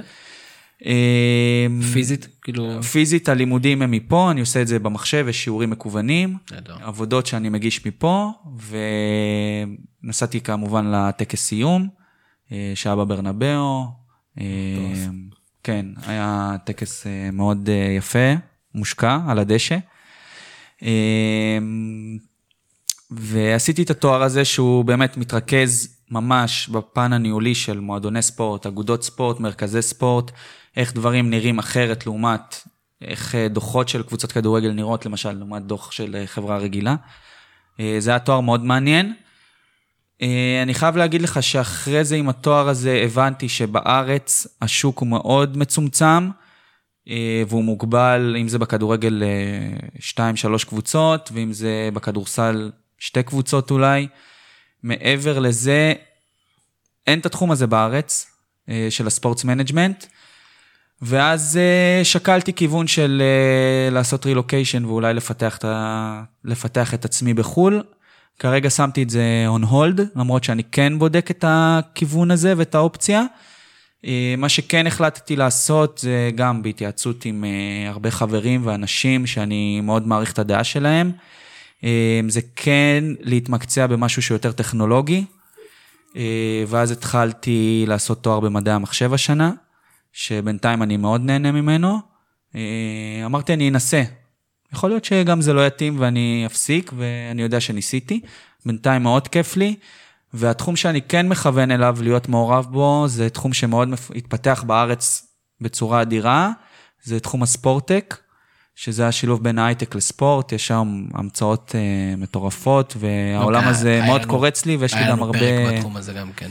ואני חושב שיש לי גם הרבה ניסיון ומה לתרום שם. מהצד מעבר הפרקטי. לפן ה... כן, וגם, כמובן שהתווסף הפן הטכנולוגי, אז בכלל זה יהפוך ליתרון. מעניין אותי, אתה נראה בן אדם שמאוד שקול ועם אה, תמיכה מהבית, ויודע, ידעת פחות או יותר לסיים את הקריירה יפה, ושחקנים שפורשים, יש איזה, אפילו מרמת ה... הארגון השחקנים, משהו, מישהו מלווה אותם, יש איזה משהו שמסביר לשחקן איך להתכונן לקראת הפרישה, מה לעשות, האם יש איזה ארגון שמחזיק את הדבר הזה, אולי שווה לחשוב על לעשות משהו כזה, כי זה נשמע כל... כאילו שחקן, אנשים יכולים ללכת לאיבוד בדבר הזה בקלות. קודם כל זה משהו שחשבתי עליו, אה, כי למרות שאני כן, כן יודע... לא, זה בסדר. אה, אני כן חשבתי על, על... אה, אני כן יודע מה אני פחות או יותר רוצה, אבל אני יכול להגיד לך שזה כן היה יכול לסדר לי דברים בראש. וארגון השחקנים, כן יש איזשהו שינוי חיובי גם מאז שמושיקו נכנס לשם, וביחד עם ניר אלון, גם עכשיו הם עשו איזשהו קורס אה, שמתמקד גם בחברות הספורטק, אה, שגם מכין את עצמך ליום שאחרי, והייתה היענות גם מאוד גדולה בקורס הזה. אני אישית שקלתי גם להיכנס אליו, בסוף החלטתי שאני במקום קצת יותר מתקדם, ואני כן רוצה לנסות כבר להיכנס פיזית לתחום. יש דברים עכשיו מתחילים, אני רואה, לתפוס תאוצה, ויש שינוי חיובי בתחום הזה, ואני חושב שארגון השחקנים כן מבין את הצורך הזה, וכן מתחיל לעבוד בכיוון הזה, כי הרוב הגדול של השחקנים יצטרך להמשיך לעבוד בסוף הקריירה. ובמהלך הקריירה יש, זה לא רק, זה, הסוף זה יפה, אבל כמו שאתה אומר, במהלך הקריירה גם, ילד בן 20, קבל סכומי כסף אדירים, צריך לדעת להתנהל, מדברים על זה שב-NBA כל שחקן שני, אם אני לא טועה, מסיים אה, פושט רגל. פושט רגל, אני לא יודע איך זה בארץ, אבל אני מניח כן. שיש כן. מקרים. אני כן יודע שיש חלק, ותקן אותי אם אני טועה, בטח בליגת העל, שהליגה, הבורסה לניירות ערך, חלק מה, מהעניין וחלק מהשיתוף הפעולה הזה, זה חינוך כלכלי לחלק מהשחקנים. חינוך כלכלי, אני חושב שזה אחד הדברים הכי חשובים, כי גם הרבה שחקנים באים מבתים שאין שם אה, ידע... יש לי חברים, שחקנים, שבאו אליי ושאלו אותי מה זה אומר, בפ... מה זה אומר החלק הזה בפנסיה ומה זה קרן השתלמות, ואני חושב שבתחילת עונה, כל, לכל קבוצה צריך להגיע נציג, אה, אני לא יודע, מטעם ארגון השחקנים, מטעם ההתאחדות, מטעם מנהלת הליגות, ופשוט לשבת, להסביר להם, קודם כל מה, איך התלוש נראה, קודם כל איך אפשר לשפר, איך אפשר לעשות חסכונות פנסיונים, אם זה קרן השתלמות, שגם...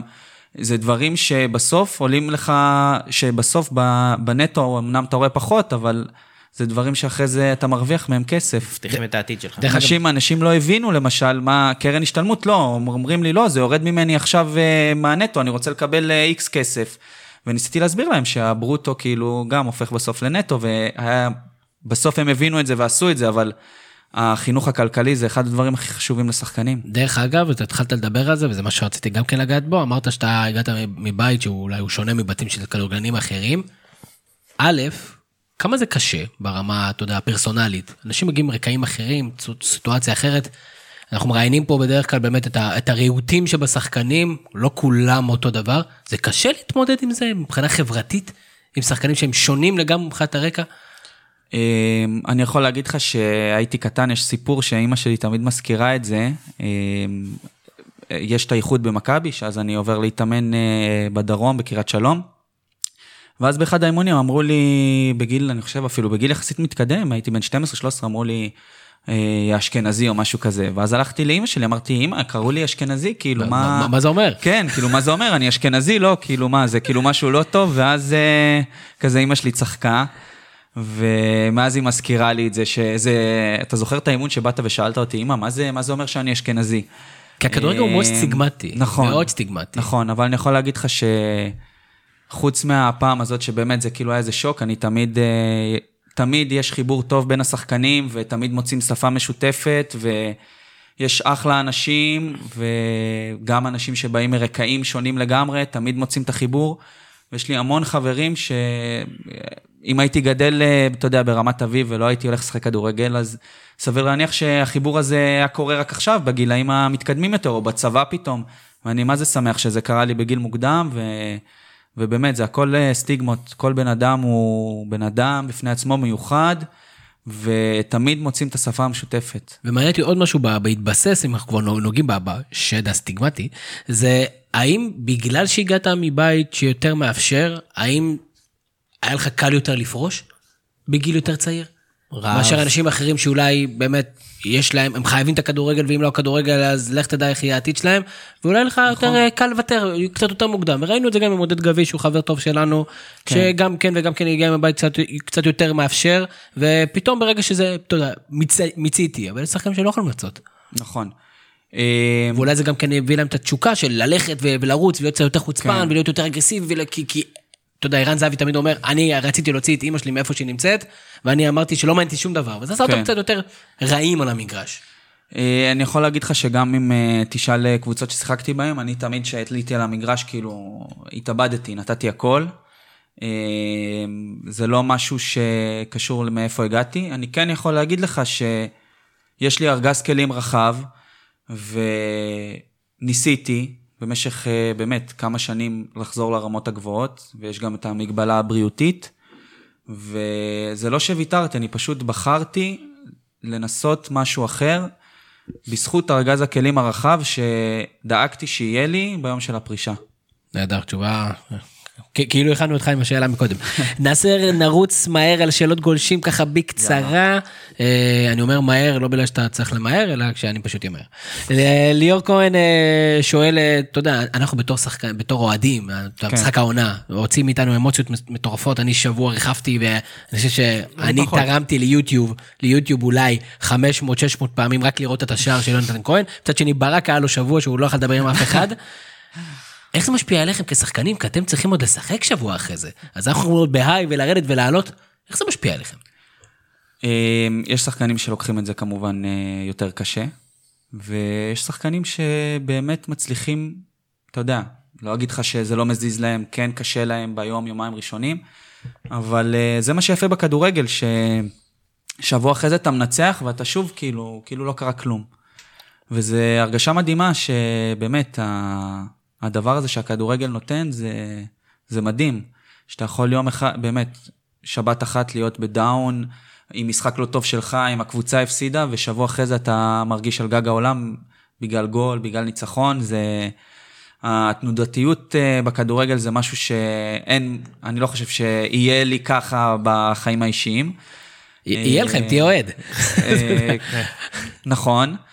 אה, למרות שגם עכשיו, בתור אוהד, שאני רואה משחקים, זה אחרת אחרי שהייתי שחקן. ברור. זה לא... אני יכול להגיד לך שתמיד יהיה לי משהו, כאילו, משהו חם וגדול מאוד ורחב בלב למכבי, וגם uh, להפועל פתח תקווה ואפילו להפועל חיפה.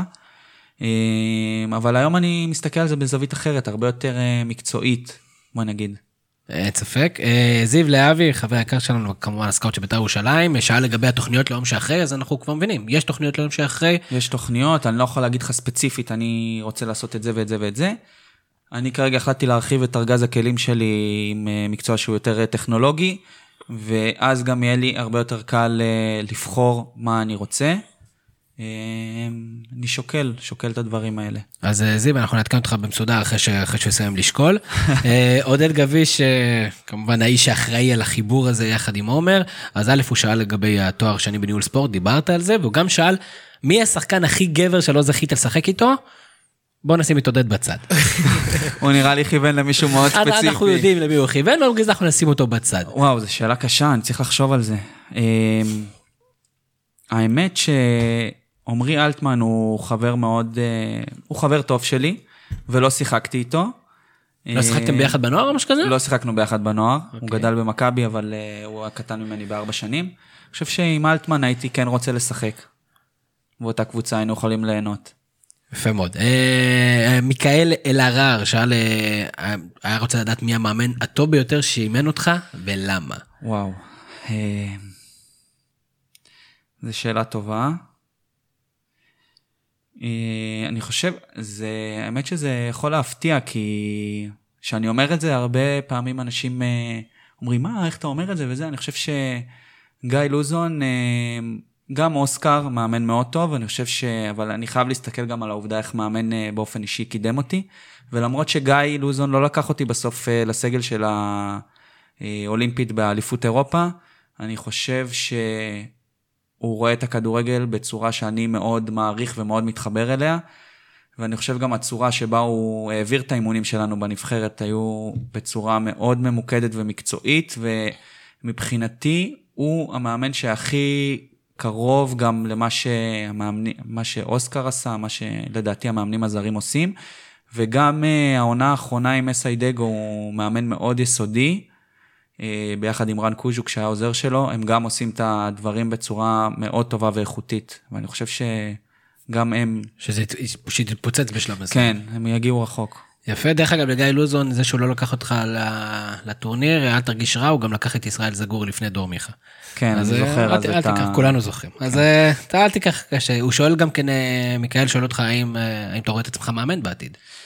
למרות שאתה הולך לכיוון אחר. נכון, אני, תשמע, זה מחשבות שכן עברו לי בראש, ואני בטוח שגם הייתי יכול להיות מאמן מאוד טוב שמקדם שחקנים.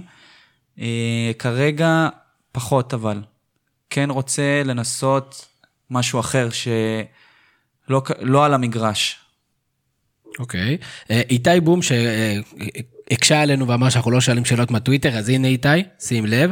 אה, אבל רוב השאלות שלך הוא כבר ענה. אז א', הוא שאל עד כמה נפילה מקבוצה כמו מכבי לליגות נמוכות יושבת בראש, אז ראינו שהיא יושבת בראש. כן. אה, וגם אה, יש קצת מחשבות. זה שונה, אין מה לעשות. מכבי היום זה משהו אחר מבחינת תנאים, מבחינת גישה, מבחינת הכל.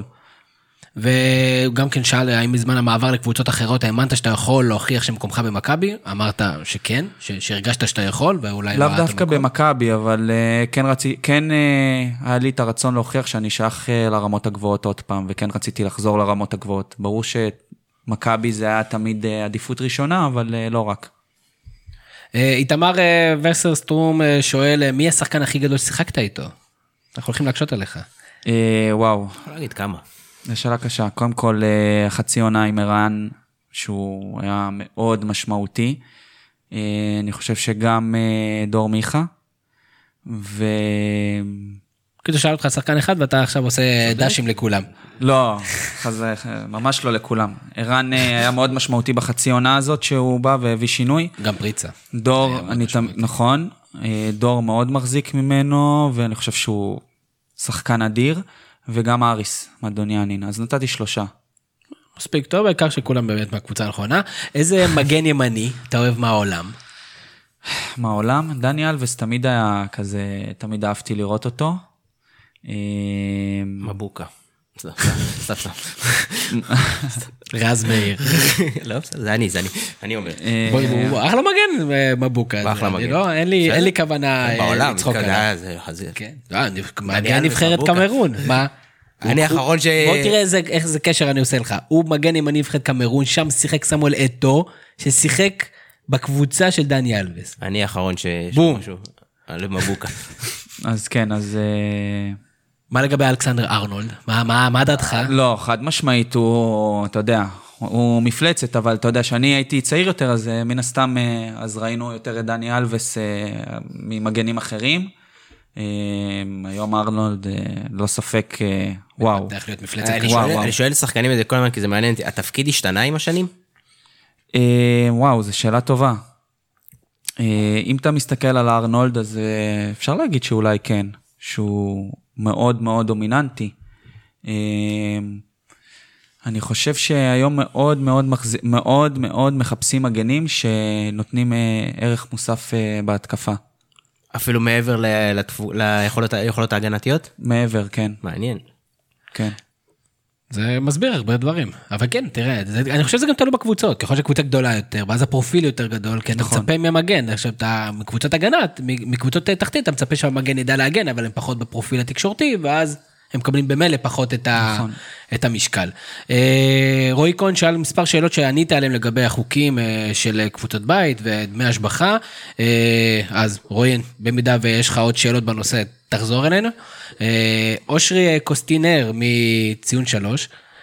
שזה תמיד קשה לדעת, כי בטוויטר אתה לא יודע מה השמות, אבל הצלחנו להגיע אליך, אושרי, אנחנו יודעים את השם שלך. בטח שאנחנו יודעים. אז הוא שאל לגבי אורך החוזה שלך במכבי תל אביב בבוגרים, וענית על זה.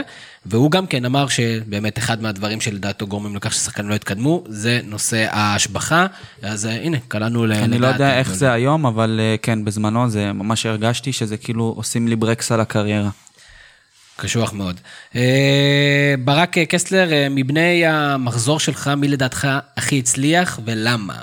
אז הכי הצליח, כנראה זה סוג של דור מיכה כזה, או שהוא לא בדיוק במחזור שלך? דור מיכה קטן ממני בשנתיים. שנתון 90, אמ, אני חושב שזה שחקנים אה, ששיחקו קבוצות בליגת העל, וגם אה, זה בוריס קודם כל, זה עמרי בן ארוש, עידו לוי, גורדנה.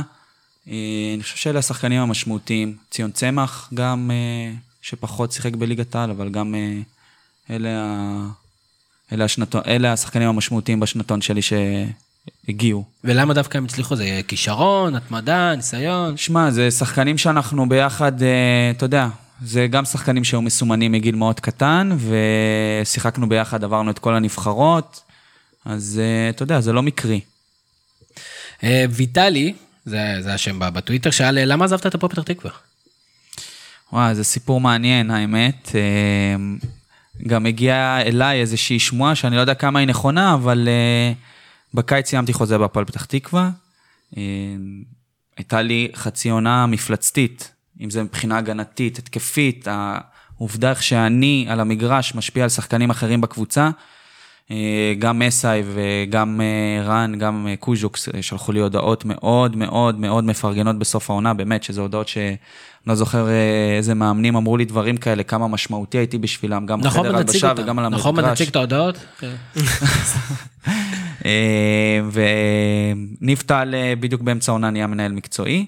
הוא אמר לי בשיחת טלפון, תשמע, עומר, אני לא בטוח לגבי התרומה המקצועית שלך להפועל פתח תקווה, שזה כאילו בשבילי היה שוק. פה הבנתי ש...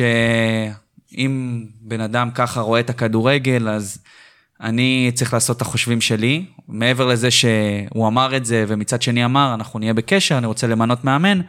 בשורה התחתונה, הצעה מעולם לא קיבלתי, למרות שאתה יודע, אם הייתי מקבל הצעה בקיץ בפועל פתח תקווה, יכול להיות שהשיחה היום הייתה אחרת לגמרי. אני, אז לא הייתה לי את התחושה הזאת של אה, לה, כאילו לעבור אה, שלב בחיים, וכן רציתי מאוד להמשיך בפועל פתח תקווה.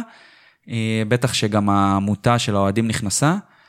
באחת השיחות שלי עם אחד השחקנים, הוא אמר לי שהם דיברו העונה בחדר הלבשה, כי הם גם התחילו את העונה לא טוב, והמגן שהיה שם גם, היו הרבה ביקורות עליו, והם חיפשו, רצו להביא עוד איזשהו מגן, ואיכשהו השם שלי לא עלה, למרות שהייתי שחקן חופשי, ולמרות שהקהל מאוד רצה שאני אחזור. באמת, שלחו לי הודעות באופן יומיומי, אחרי משחקים פתאום מפסידים, פתאום גל של הודעות. ואז אה, אחד השחקנים אמר לי שכן, דיברנו בחדר הלבשה, ומישהו שמע שניב שאל אותי בתח... בסוף העונה שעברה, מה התואר הזה שלמדתי, אז אמרתי ניהול ספורט, ואז עשיתי רעיון למקומון בפתח תקווה. שאני רוצה לסיים את הקריירה בהפועל פתח תקווה, ואז לקבל תפקיד אה, במועדון. שזה באמת מה שרציתי בזמנו.